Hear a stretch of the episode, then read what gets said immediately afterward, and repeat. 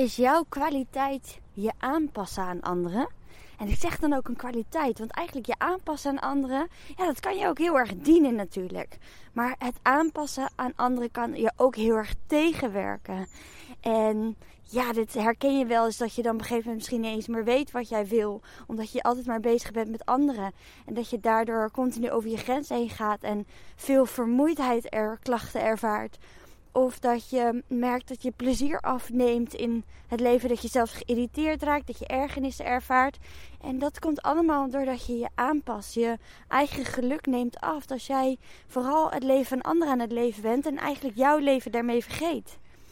En ik zei ook, er zijn ook voordelen aan aanpassen. Want ja, er is ook een reden natuurlijk dat jij je aanpast aan anderen. Dit is iets wat je aangeleerd hebt gekregen waarschijnlijk. Hè? Vanuit je jeugd. Misschien doet je moeder het ook. Is zij ook een aanpasser. Eh, een pleaser kan je het ook wel noemen.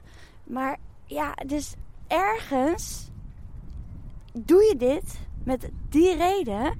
Is dat jij denkt dat dat op dat moment dan het beste is. Want ja, als dat niet zo was geweest, dan had je dat natuurlijk niet gedaan. Nou, luister lekker verder in deze podcast over aanpassen, waar het allemaal vandaan kan komen en hoe er je er vanaf komt.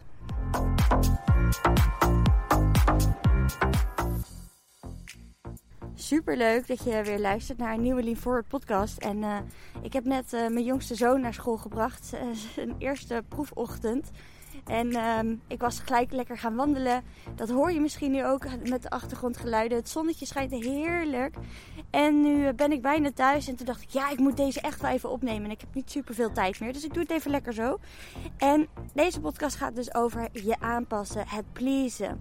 Het goed willen doen voor anderen. Want dat is vaak de reden dat we ons aanpassen. Is dat we ja, het goed willen doen. En dat we nou, soms ook wel dat terug willen krijgen dat we het goed doen. En hè, de reden dat we vaak aanpassen is dat we bevestiging zoeken van anderen van buitenaf. Want ja, waarom zou jij iets doen wat eigenlijk niet bij je past, maar dat vooral doen voor de ander? Ja, dat doe je dan om natuurlijk, ja, in ieder geval de ander niet teleur te stellen. In ieder geval de ander niet te kwetsen. En te zorgen dat jij die afwijzing niet zal voelen of schuldgevoelens zal ervaren op het moment dat je de ander teleurstelt. En de reden dat ik opkwam op deze podcast was omdat ik met iemand in gesprek was tijdens de gratis challenge Hartstocht. Die was een paar weken terug en zij gaf me een heel mooi doel aan. Dat zij meer terug wil naar haar eigen gevoel. Om ook beter te voelen wat haar grenzen zijn. Omdat zij er heel vaak achter komt, achteraf, is dat ze eigenlijk over haar grenzen is gegaan. Alleen op dat moment kan ze dat niet zo goed voelen. En nu had ze een heel concreet doel gesteld voor zichzelf. En dat was het doel, is dat zij op tijd afscheid wil nemen of doei wil zeggen. Dus dan maak je hem ook heel klein. Dus daarin een grens aangeven. En dat had met haar heel erg te maken. En ik loop even langs de school trouwens, dus allemaal herrie hier, sorry daarvoor. Maar dat had bij haar heel erg te maken. Is dat ze als ze bijvoorbeeld een pakketje ophaalde bij de buren. Dat ze dan heel erg bleef hangen bij de buren. En dan totdat eigenlijk de buurman zei. Ik moet weer verder met het eten. En dat zij dan dacht. Oh oké, nou dan ga ik. Terwijl ze eigenlijk ook al zelf eerder voelde. Dat ze ook wel al eerder naar huis wilde. En eigenlijk helemaal niet dat praatje wilde maken. Maar toch voelde ze zich een soort van verplicht om dat praatje te maken. En dat is dan weer interessant hè. Want waarom voel jij je verplicht? Om dat praatje te maken? Wat maakt dat je niet zelf de stap neemt om te zeggen: Oké, ik wil eigenlijk gewoon weer lekker terug naar huis. Zonder dat je je hoeft te verantwoorden of uit hoeft te leggen uh, in een heel verhaal waarom je een bepaalde keuze maakt, of waarom je weer teruggaat, of waarom je hetgeen doet wat je doet. Misschien herken je dat wel. En ze zei ook eigenlijk al gelijk: Ja, waarom doe ik dit eigenlijk? Ja, als, alsof het iets sociaals is. Alsof de ander dan verwacht dat hij. Uh, ja, dat, die, dat die eerst doei zegt. En, en dat het dus niet ja, eh, de bedoeling is om als eerste aan te geven wat jij wil. En waarschijnlijk is dit ook een patroon wat je herkent vanuit huis, van huis uit. En ik, ik had dit ook wel eens. Ik uh, heb wel een mooi voorbeeld daarvoor. Voor, uh, toen ik nog begon, toen ik begon met coaching toen ja, liep ik heel vaak liepen mijn gesprekken uit. En nou ben ik daar nog steeds niet zo goed in. Maar, want het kan nog wel eens uitlopen. Alleen dan is het nu vanuit een heel ander gevoel. Toen had ik uh, wel eens eh, dat ik het gevoel had dat ik heel veel moest geven. En als het dan voor mijn gevoel niet genoeg was. En als je net startende coach bent, ben je daar nog een beetje zoekende in. Wat goed genoeg is. Ja, dan ging ik zo, net zo lang door totdat ik het gevoel had van oké, nu zijn we dan. Terwijl dat was voor mij, dat was mijn perspectief, maar dat was helemaal niet vanuit de klantsperspectief. Dus toen zei iemand een keertje tegen mij, dat was mijn business buddy geloof ik, die zei toen tegen mij, ja maar hallo, uh, misschien zitten de ander daar helemaal niet op te wachten dat ze zo'n extra lange sessie krijgen. En heeft die ander al zoveel inzichten gegeven en overlaat jij ze met nog veel meer inzichten. En kan die ander dat helemaal niet bijhouden, is het eigenlijk te veel. En dan denk jij dat je daarmee iets goeds doet. Maar wie zegt dat het goed is voor de ander? En toen dacht ik, ja, daar heb je een punt. Waarom doe ik dit eigenlijk? Dus ja, wie zegt dat de buurman met jou uh, een half uur zin heeft om een half uur met jou te praten? Ja, dat is helemaal niet zo gezegd. Misschien doet hij dat ook wel uit please gedrag. En zo werkt dat ook vaak met... Uh, zag ik laatst ook een leuk filmpje over. Op Insta of TikTok, weet het niet meer. Maar is dat op verjaardagen, op de manier waarop dan afscheid genomen wordt. Weet je wel, dat je ergens het gevoel hebt dat je niet als eerste weg mag gaan. Want jij, je was er ook niet als eerste binnengekomen. Dus alsof het dan een soort van sociaal wenselijk gedrag is. Om je dan maar daarin aan te passen en te wachten tot de eerste vertrokken is. En dat jij dan ook durft te zeggen dat jij vertrekt. Of, uh, of dat jij op bezoek bent bij iemand. En dat je eigenlijk wilt, of nee, andersom, dat iemand op bezoek is bij jou. En dat jij dan eigenlijk wilt dat diegene vertrekt, want uh, je moet de volgende dag weer vroeg op. En dat je dan allemaal van die, ja, dat is echt iets Hollands geloof ik. Dat je allemaal van die signaaltjes afgeeft van, uh, ja, ja, ik moet morgen wel vroeg op. Moet jij ook vroeg opstaan? Of, en dat je dan ondertussen al een beetje de tafel begint af te ruimen en de hapjes opruimt en in de vaatwasser doet. Dat je zo ergens tussen de lijnen door een signaaltje geeft van, hé, hey, nu is het wel klaar, nu mag je weer naar huis. Maar dat we dan als, hè, dat we dan niet direct zeggen: hey, uh, wil je nu even weggaan? Want ik merk dat ik moe begin te worden en ik heb morgen vroeg. en dan hoef je het eigenlijk niet eens uit te leggen. Maar uh, ja, het is voor mij eigenlijk gewoon nu wel klaar. En dat, dat, dat, ergens durven we dat dan niet te zeggen of zo. Omdat we dus ja, de ander niet willen teleurstellen. Of dat we niet ja, willen dat de ander ons uh, brutaal vindt. Of of arrogant of asociaal. Of, hè, dat zijn al die schaduwkanten. Daar heb ik ook al eerder een podcast over opgenomen, geloof ik, de vorige.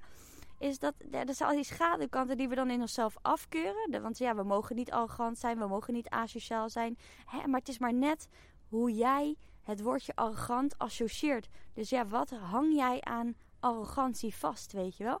En, en uiteindelijk zie je ook, dat zie je dan ook bij haar, maar eigenlijk ook bij alle mensen die ik spreek die over grens heen gaan en die zich vooral heel erg aanpassen aan anderen, is dat ze er zelf last van hebben. En het is ook niet dus zo dat je per se iets doet voor de ander, omdat je weet helemaal niet of dit een belediging gaat zijn voor de ander. Of je weet helemaal niet of de ander uh, teleurgesteld gaat zijn. Of je weet helemaal niet of die ander zich daardoor uh, een bepaald gevoel krijgt over jou. Dat weet je helemaal niet. En juist door dit ook uit te spreken, door ook te zeggen van hé, hey, ik vind het wel een beetje lastig om aan te geven. Maar ja, ik heb morgen sta ik weer vroeg op. Dus weet je, het is wel. En dan zou de ander alleen maar daar begrip voor hebben. Want die zou zich echt niet willen opdringen. En die, om tot elf uur te blijven. En dat jij dan de volgende ochtend met wallen op je werk zit. Zeker niet als het een vriendin van je is. Dus laten we alsjeblieft eerlijk daarin tegenover elkaar zijn. En ook dat stuk dat je dus het gevoel hebt dat je je moet aanpassen. Nou, spreek het dan op zijn minst even uit. Wat er jou dan dwars zit en wat jij dan zou willen of hoe jij het ziet. En, en zo ontdek je ook jouw, ja, jouw mening. En wat voor jou belangrijk is. En hoe jij de dingen wilt in het leven. Want als je altijd bezig bent met anderen, dan verlies je een stukje van jezelf. En dan ben je dus niet jouw pad aan het bewandelen, maar het pad van iemand anders. En dat is niet het juiste pad voor jou. Dat is niet het pad waar jij je gelukkig zult gaan voelen. En ik heb het ook in de challenge toen uitgelegd, is dat je hebt een, een pad, een, een kompas.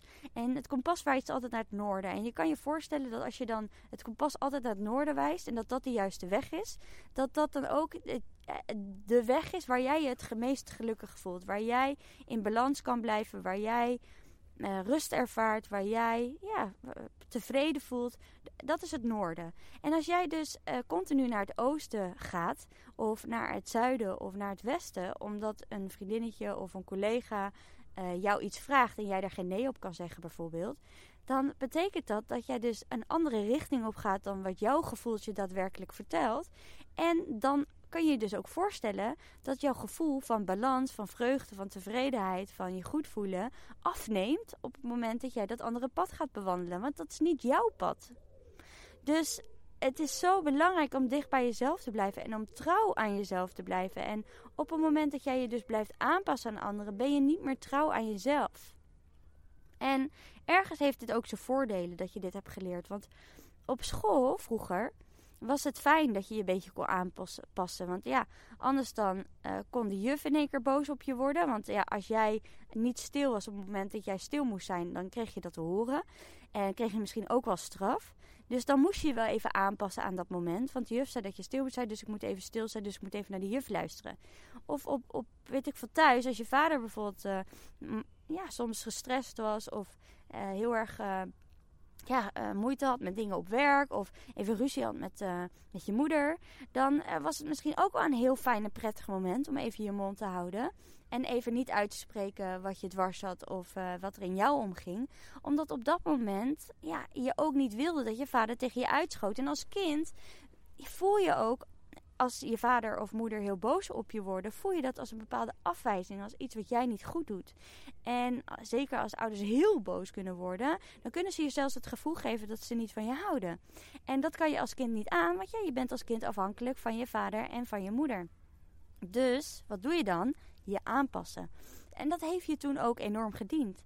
Alleen je kunt je voorstellen dat je, hè, je nu volwassen bent en het daarom dus niet meer uh, nodig is om je op die manier aan te passen. Want ja, jij bent niet meer afhankelijk van een volwassene of van alle mensen om je heen.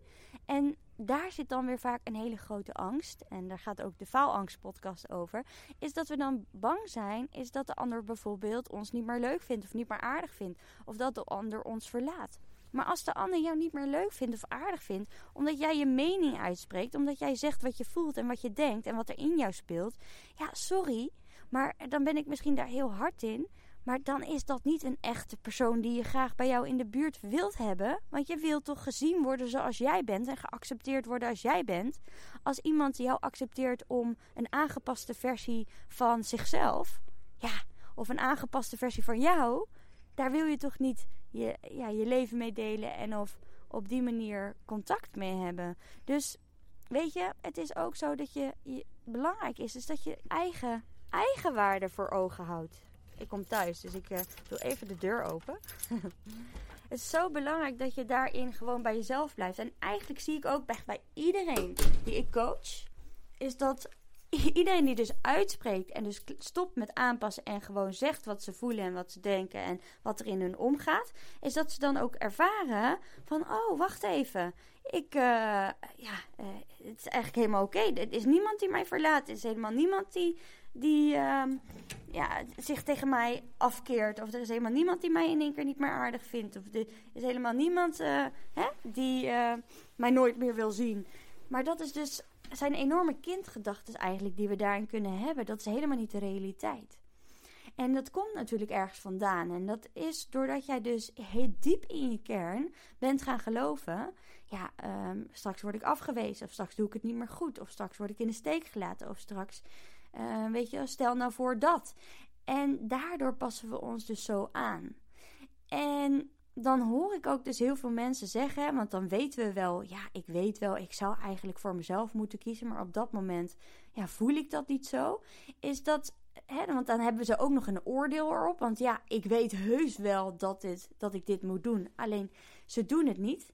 En dat komt dan omdat, ja, rationeel, vanuit de volwassen bril, vanuit uh, de persoon die jij hebt, vanuit de leeftijd die je nu hebt, bent, ja, die snapt het wel. Die is daar wel oké mee. Maar er is een deel in jou, dus wat jou daarin tegenhoudt. En dat is dus, ja, je kan het zeggen. Ze noemen dit ook een symbiose-trauma. En dat heeft te maken met een stukje hechting, met iets wat je vroeger in het verleden uh, bent gaan geloven. En dat zit zo diep geworteld in jou. Dus het is belangrijk om zo naar die kern toe te gaan. En naar het eerste moment te gaan wanneer je dit bent gaan geloven. En vanuit daar, dus die emoties die er opgeslagen zijn, omdat het niet veilig was om dat op dat moment te voelen. En vaak komt dat ook omdat, ja, veel van ons helaas niet begeleid zijn in emoties. Ik ook niet in mijn jeugd. En je dus nu mag gaan ontdekken hoe je dus met die emoties kunt omgaan. En hoe je dit dus geleidelijk kunt toelaten. Zonder dat je meteen bang bent dat je helemaal overspoeld wordt. En dat je het niet aan kan. En dat het allemaal te heftig is. En dat je weer in die onveiligheid belandt. Want dat is natuurlijk, hè, daar heb ik ook een podcast over gemaakt. Dat is waar het om gaat is dat we bang worden voor het voelen wat er toen is ontstaan. En doordat we nooit teruggaan naar dat moment, ja, zul je dus nooit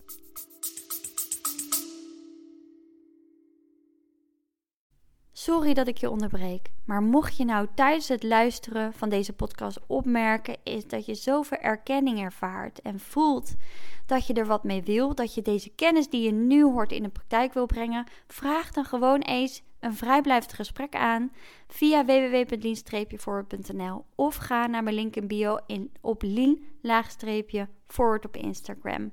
En dan kletsen we even over jouw uitdaging, je verlangens. Dan kan ik direct die rode draad eruit pikken waar jij mee aan de slag mag gaan. En dan kunnen we kijken en mag jou voelen of later beslissen zelfs nog of jij in eventueel het één traject zou willen stappen. Dus wie weet ga ik je zien. Um, ga je heel erg fijn en veilig voelen op het moment dat je grenzen uh, moet aan of kan aangeven. Of, of als dan een collega iets aan je vraagt of een vriendinnetje en je bent eigenlijk moe en je wil nee zeggen, dat je dan toch altijd maar weer ja zegt, omdat het oncomfortabel voelt.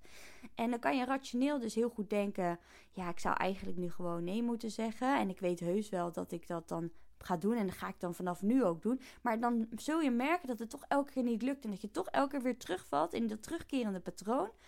Omdat je, ja, het zo diep geworteld zit, het probleem. Dus dan is het echt belangrijk om ja, daarin hulp aan te gaan. Weet je wat? Dat je uh, hier met anderen over gaat praten. En of dat je ja, eigenlijk het stukje, de kern gaat helen.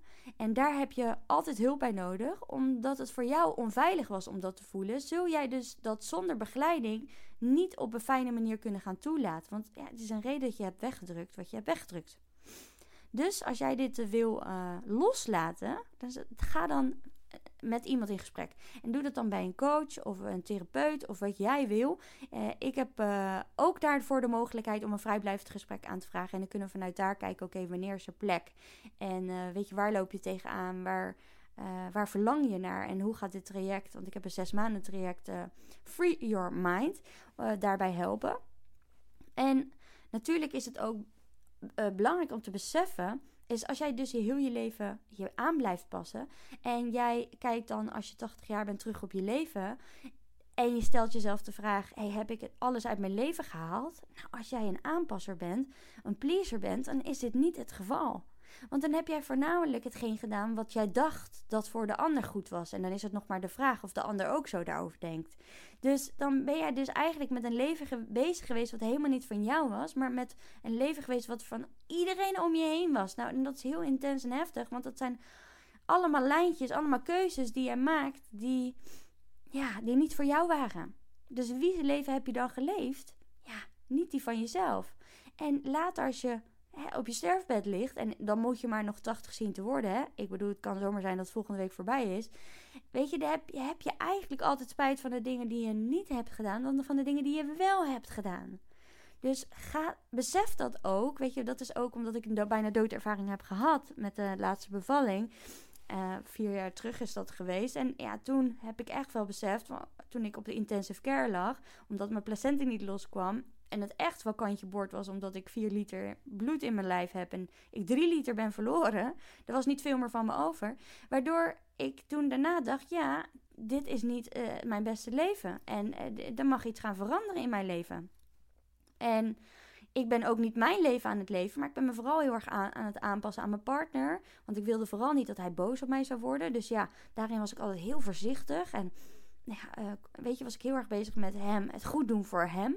En, maar verloor ik dus echt helemaal mezelf. Maar ook met wat ik wilde in mijn leven en waar ik blij van werd. Ja, ik, ik verloor mezelf helemaal in mijn gezin. Ik was helemaal niet meer bezig met mezelf. Ik was vooral heel erg aan het schoonmaken, uh, aan het zorgen voor de kinderen. Ik zorgde wel voor eten en dat zij alles, hè, fysieke behoeften, dat was allemaal in orde. Maar ook het plannen en Um, ik ging natuurlijk volop spelen met mijn kinderen. Want ja, het kon niet zo zijn dus dat zij later dachten van... Uh, ja, mama had helemaal geen aandacht voor me. Of, uh, want ja, mijn ouders hadden niet zoveel aandacht voor me en speelden niet zoveel met me. Dus dat moest ik natuurlijk flink compenseren. Dat was natuurlijk allemaal mijn eigen pijn. Het is helemaal niet zo dat mijn kinderen daar onwijs naar verlangden. Ja, tuurlijk, op een gegeven moment wel, omdat ze dat gewend waren.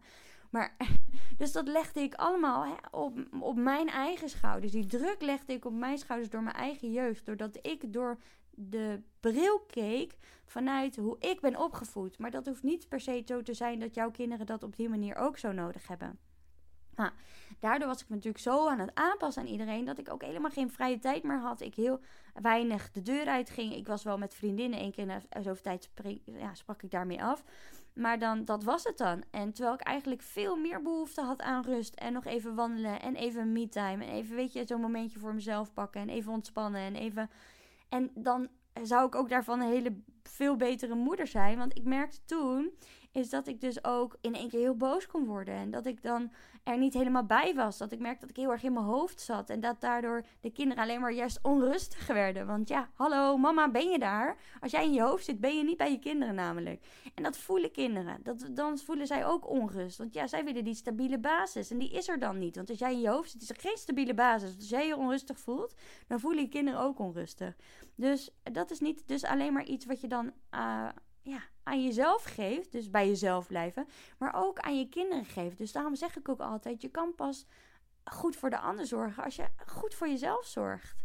En als jij niet de keuzes maakt die bij jou passen en je continu aan blijft passen aan anderen, dan weten anderen ook niet wat bij jou past. Als jij niet aangeeft of niet weet misschien zelfs wel wat jij nodig hebt, en dan kan, jou, dan kan de ander krijgt ook niet de kans om jou ook echt te zien om wie jij bent. En dat is vaak ook het probleem bij mensen die aanpassen en pleasen die uh, zijn ook ergens bang om niet gezien te worden. Dat is altijd iets vanuit de jeugd dat is, wat is ontstaan. Je hebt je niet altijd even gezien gevoeld. En dat kan ook bijna niet, hè? want je ouders die hebben ook hun eigen leven gehad en werk en omstandigheden en stress en er gebeuren dingen. Dus die hebben jou niet altijd gezien. Maar het is wel belangrijk, ondanks dat zij het meest fantastische hebben gedaan wat ze hebben kunnen doen, hè, je ouders, dat jij nu erkent wat er nu is. Want als jij continu een hand voor je ogen blijft doen en in die tunnel blijft leven en maar in die sleur door blijft gaan, dan verlies jij steeds meer stukjes van jezelf. Maar niet alleen maar stukjes van jezelf. Je wordt steeds onzekerder. Je steeds meer onrust. Je gaat steeds meer in je hoofd zitten. Je gaat steeds meer uh, verwijderd raken van je gevoel. Maar dus ook verwijderd raken van de verbinding met jezelf. Want dat is hè, je gevoel is verbinding, hè, verbinden met jezelf, met je lichaam. En dat is dus ook de verbinding met de ander. Want je kan niet verbinden met anderen als je niet verbindt met jezelf. Als je niet bij jezelf kan zijn. Ik bedoel, het is ook een beetje gek dat je wel bij de ander kan zijn, maar echt kan zijn en de ander echt kan zien en de ander echt kan aanvoelen. Als jij niet jezelf kunt aanvoelen. Dus je voelt de ander misschien ook wel aan, hè? want ik weet dat veel aanpassers heel goed kunnen inleven in de ander en kunnen aanvoelen. Maar dat doe je heel erg vanuit je eigen bril, vanuit je eigen rugzak, vanuit wat jij denkt dat voor de ander belangrijk is. En misschien heb je het zelfs zo aangeleerd dat je eigenlijk dat je nu ook zegt van, ja, maar hallo, ik kan de ander echt heel goed aanvoelen. Want ik doe precies wat de ander wilt dat ik doe. En dat klopt. Dat is ook echt een super fijne skill. En die skill mag je dus nu ook voor jezelf gaan inzetten. Zodat jij ook eerst voor jezelf kan gaan zorgen. En je dus ook goed voelt om voor de ander te zorgen en er voor de ander te zijn. En om de ander ook dan echt daadwerkelijk te kunnen helpen. Want daar zit ook een valkuil in. Is dat als jij er voor de ander wil zijn, alleen je doet dat uit de angst om niet gezien te worden, uit de angst om ja, dat straks iemand teleurgesteld is, jou, eh, in, is in jou, uit de angst dat iemand je straks niet meer aardig vindt, uit de angst dat je straks wordt afgewezen. En dit willen vaak niet onder ogen zien. Hè? Dus het is een beetje waar je bent in je hele persoonlijke proces, dat je dit wil en kan zien. Maar dan doe je het dus niet vanuit liefde helpen, maar dan doe je het vanuit angst helpen. En ik weet zeker dat je nu denkt: ja, maar hallo, ik doe het echt wel uit liefde, want ik geef om die persoon. Tuurlijk geef jij om die persoon. Maar als jij al die angsten hebt, die angsten overroelen altijd de liefde. En dan zet je je eigen verlangens opzij. En dan luister je vooral naar de ander. Ja, dan doe je dat vanuit angst. En dan doe je dat niet meer vanuit liefde. Vanuit dat je het daadwerkelijk zo voelt. Maar dan doe je dat omdat je er eigenlijk iets terug voor wil krijgen. Uh, en dat is niet per se dat je wil dat iemand wat voor jou doet, want dat is vaak heel oncomfortabel. Maar omdat je wil dat iemand positief naar jou kijkt. En dat dat belangrijk is. Maar dat is dus. Het is dus belangrijk dat jij gaat zien dat jij dus positief naar jezelf mag gaan kijken. En zodra jij positief naar jezelf mag gaan kijken, en dat kan alleen maar op de momenten dat je echt stilstaat bij jezelf en ook echt weet van oké, wat wil ik en wat vind ik belangrijk en wat moet ik daarvoor doen en dat je dat dan ook doen, doet, dan ga je jezelf weer belangrijk vinden. Dan ga je jezelf weer zien. Dan ga je weer naar jezelf luisteren. En dat is eigenlijk wat ik bij iedereen zie die zich aanpast en die please, is dat hij dat stuk is verloren.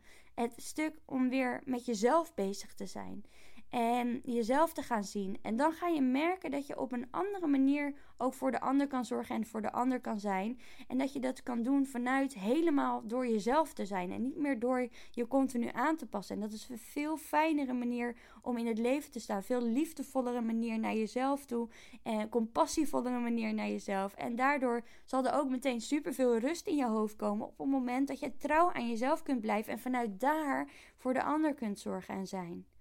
Nou, ik denk dat mijn boodschap wel helder is. Ik heb ook meerdere podcasten hierover. De laatste weken gaat het heel erg over het stukje angst, aanpassen, veilig voelen. Dus dit past heel erg in het plaatje. Misschien zit er een stukje herhaling in, maar herhaling is juist goed om dingen te laten landen.